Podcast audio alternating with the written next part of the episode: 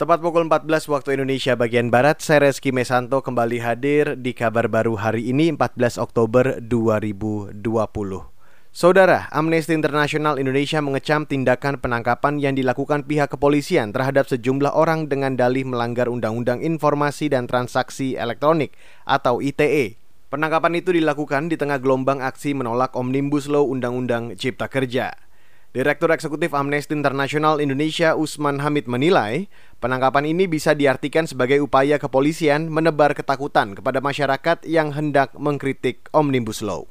Itu yang kemarin saya katakan bahwa undang-undang yang digunakan, termasuk pasal-pasal yang digunakan, itu cenderung bersifat karet. Yang mereka lakukan misalnya bukanlah mengajak orang untuk membenci kelompok masyarakat lain berdasarkan agama, suku, ras misalnya gitu. Dan tidak melakukan serangan fisik terhadap orang lain. Tentu kalau ada yang melakukan pelanggaran hukum, eh, apakah itu menyerang katakanlah sesama warga atau mengancam keselamatan petugas misalnya.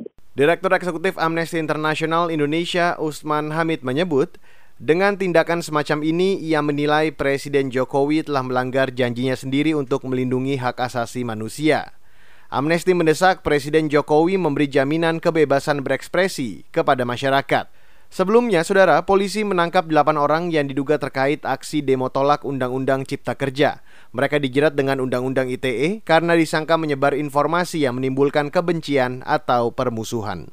Kita beralih ke informasi selanjutnya, Saudara. Satuan Tugas Penanganan COVID-19 mengklaim kasus aktif virus corona di Indonesia menurun hingga lebih dari 19 persen per hari ini.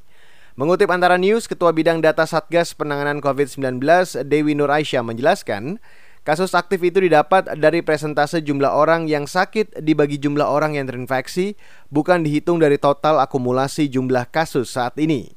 Kata dia, berdasarkan penghitungan tersebut, tren kasus virus corona di tanah air menurun sejak Maret hingga Oktober 2020. Namun ia mengingatkan bahwa presentase kasus aktif sangat dinamis, sebab angka itu bisa bertambah jika terjadi lonjakan kasus COVID-19. Tapi ia berharap kasus aktif terus menurun. Dan saat ini kasus total akumulasi kasus positif COVID-19 mencapai lebih dari 340 ribu orang. 263 ribu lebih sembuh dan lebih dari 12 ribu meninggal. Saudara, keterbatasan sarana pendukung membuat penambahan pasukan di Kabupaten Intan Jaya, Papua terhambat. Kapolda Papua Paulus Waterpau mengaku sudah merencanakan memperkuat pasukan polisi di sana. Hal itu dilakukan pasca serangkaian penembakan yang dilakukan kelompok bersenjata di Intan Jaya sepanjang tahun ini. Akan tetapi rencana tersebut belum dapat direalisasikan. Hingga kini Polda Papua terus berkoordinasi dengan Bupati Intan Jaya dan Ketua DPRD setempat agar dapat menyiapkan tempat tinggal untuk para personel Polri yang akan dikirim ke wilayah itu. Nantinya mereka akan ditempatkan di sejumlah wilayah yang dianggap rawan. Di antaranya Distrik Hitadipa, Distrik Ugimba, Distrik Wandai, dan Distrik Sugapa. Kapolda Papua menambahkan sepanjang tahun ini kelompok bersenjata di Intan Jaya telah melakukan 23 kali kasus penembakan dan penganiayaan. Korbannya adalah warga sipil, aparat keamanan, hingga petugas kesehatan. Dan saudara, demikian kabar baru, saya Reski Mesanto.